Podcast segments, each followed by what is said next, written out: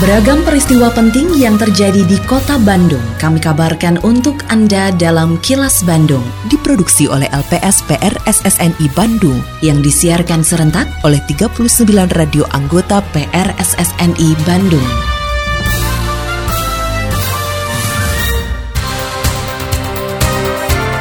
Sejumlah informasi aktual kami hadirkan untuk Anda dan inilah informasi utamanya. Dinas Sosial Kota Bandung dirikan dapur umum di Cianjur. ISPA dan hipertensi banyak diderita warga. Rumah deret Taman Sari siap dihuni 2023. Saya, Santika Sari Sumantri, inilah kilas Bandung selengkapnya.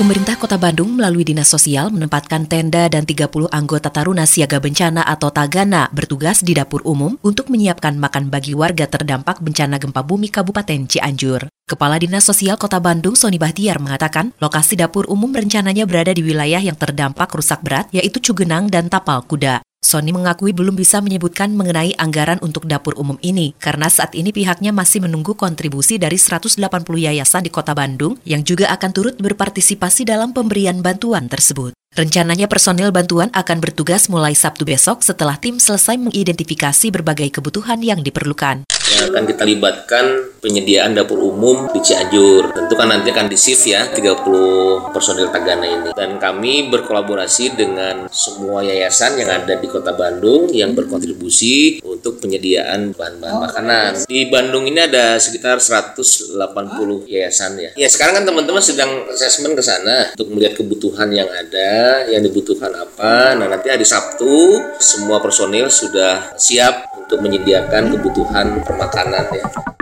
Seiring datangnya musim pancaroba, sejumlah puskesmas di kota Bandung banyak menerima keluhan warga terserang infeksi saluran pernapasan akut atau ISPA. Seperti halnya puskesmas Cinambo, dari sekitar 80 pasien yang datang, setiap harinya setidaknya menerima 10 keluhan pasien mengalami ISPA. Kepala UPT Puskesmas Cinambo, Natalina Ginting, mengatakan selain perubahan cuaca, kasus ISPA juga dipicu dari mulai maraknya kembali kasus COVID-19.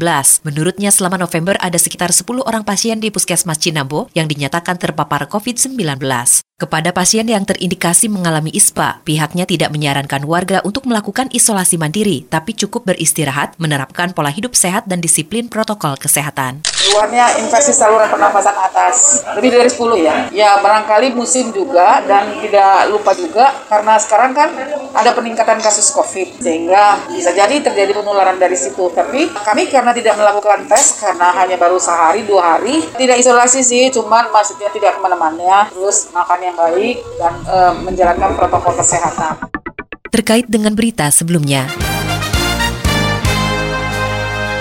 Hal serupa juga disampaikan Kepala UPT Puskesmas Riung Bandung, Silvi Virgianti, yang mengatakan di wilayah kerjanya juga banyak yang terkena ISPA. Selain penyakit menular, puskesmas juga dihadapkan pada penyakit tidak menular seperti hipertensi dan anemia yang menyerang kalangan remaja. Temuan ini berdasarkan screening yang dilakukan saat vaksinasi dan kunjungan ke sekolah. Silvi mengatakan penyebab terjadinya hipertensi antara lain pola hidup dan pola makan, seperti stres, kurang beraktivitas, dan kurang olahraga tidak menular itu salah satunya hipertensi ya. Hmm. Jadi yang usianya 15 tahun ke atas sampai hmm. 60 pasien-pasien yang datang kita kasih juga ada lembar screening. Hmm. Terus ke sekolah-sekolah juga kita ya yang 15 tahun ke atas kita screening. Banyak ada berapa persennya ya. Kalau yang datang ke puskes yang di atas 15 tahun kita kasih lembar screeningnya.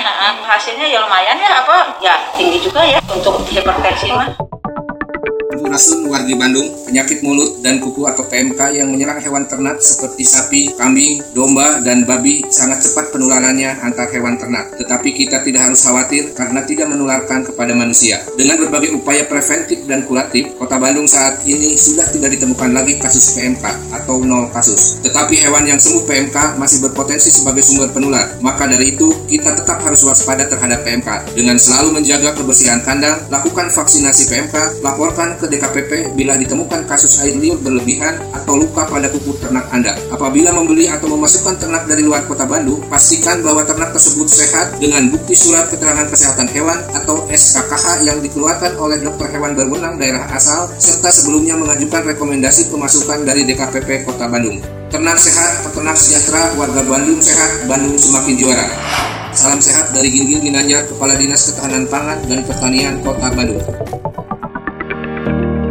Assalamualaikum warahmatullahi wabarakatuh. Saya Ahmad Rosidin, Ketua Basnas Kota Bandung, menghimbau kepada seluruh masyarakat, khususnya para pengguna jalan dan wisatawan di Kota Bandung, untuk tidak menyerahkan donasi atau sumbangan kepada para pengemis, gelandangan, dan pengamen di jalan raya. Memberikan donasi atau sedekah kepada pengemis bukan merupakan cara yang tepat untuk membantu mereka. Hal ini hanya akan membuat mereka berpanggung tangan dan lebih nyaman untuk meminta-minta daripada melakukan usaha yang lebih produktif. Tentu saya sangat mengapresiasi kebaikan dan keikhlasan masyarakat yang ingin memberikan bantuan kepada saudara kita yang membutuhkan. Namun, alangkah baiknya jika donasi, sumbangan, infak, maupun sedekah Anda disalurkan melalui lembaga resmi seperti Basnas Kota Bandung atau lembaga pengelola zakat lainnya yang terdaftar di Kementerian Agama. Donasi yang Anda salurkan melalui lembaga zakat yang resmi akan dikelola secara akuntabel dan didistribusikan kepada saudara kita yang berhak dan membutuhkan melalui berbagai program, baik bantuan konsumtif maupun bantuan produktif yang memberdayakan, sehingga dapat menumbuhkan kemandirian secara ekonomi, mewujudkan kesejahteraan, dan mengentaskan kemiskinan.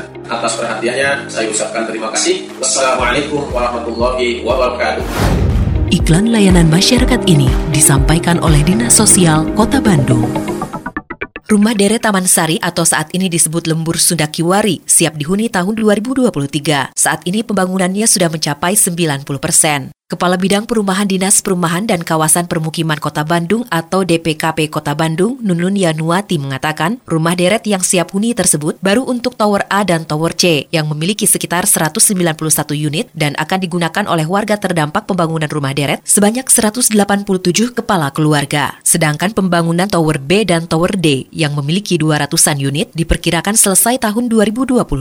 Sehingga totalnya di lembur Sundakiwari akan ada 400 unit untuk 400 kepala keluarga. Menurut Nunun, warga yang berhak menempati rumah deret tersebut diprioritaskan warga terdampak, yaitu warga RW 11 Kelurahan Taman Sari. Namun tidak menutup kemungkinan warga lain juga bisa mendapatkan selama memenuhi kriteria. Jadi selain warga yang terdampak di sini, kita juga membolehkan warga-warga lain yang bisa masuk. Tapi nanti kita lihat kriterianya, apakah masuk kriteria atau tidak gitu. Karena di kalau kita bangun itu sebenarnya untuk warga masyarakat yang berpenghasilan rendah tuh ya. Kalau untuk tower A dan C ini kemungkinan besar selesai di tahun 2023 ya. Jadi uh, dan ada masjid juga. Warga RW 11 Kelurahan Taman Sari ingin segera menempati rumah deret Taman Sari atau Lembur Sunda Kiwari. Seorang warga RW 11, Syahroni mengungkapkan, masyarakat setempat merasa tidak sabar menempati rumah deret karena sudah menunggu cukup lama. Syahroni berharap pemerintah kota Bandung segera menyelesaikan pembangunan rumah deret tersebut yang saat ini sudah dalam tahap akhir penyelesaian di gedung A dan C. Syahroni yang awalnya ragu akan pembangunan rumah deret tersebut kini mengaku bersyukur karena bangunan sudah berwujud meski sempat menimbulkan pro dan kontra. Akhirnya Alhamdulillah sekarang sudah bisa terwujud sekalipun belum 100% itu bisa dihuni. Tapi Alhamdulillah proyek sudah berjalan dan kami juga punya harapan akan segera uh, menikmati hasil daripada progres pembangunan rumah deret Taman Sari ini. Ayo manfaatkan program pembebasan bea balik nama kendaraan bermotor kedua tahun 2022 dari 1 November sampai dengan 23 Desember 2022. Bebas pokok dan denda BBM KB2.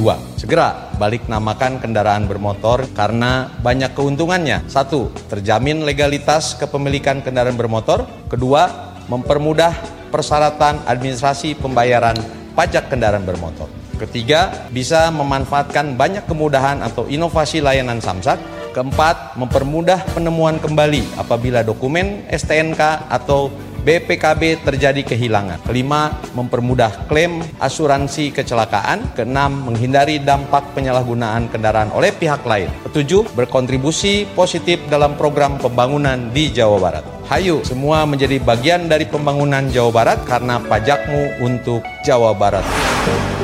Iklan layanan masyarakat ini disampaikan oleh Bapenda Provinsi Jawa Barat. Kini, audio podcast siaran Kilas Bandung dan berbagai informasi menarik lainnya bisa Anda akses di laman kilasbandungnews.com. Tetap patuhi protokol kesehatan di masa adaptasi kebiasaan baru untuk memutus penyebaran COVID-19. Selalu memakai masker, mencuci tangan, menjaga jarak dan menghindari kerumunan, serta mengurangi mobilitas agar terhindar dari terpapar virus corona. Terima kasih Anda telah menyimak kilas Bandung yang diproduksi oleh LPSPR SSNI Bandung.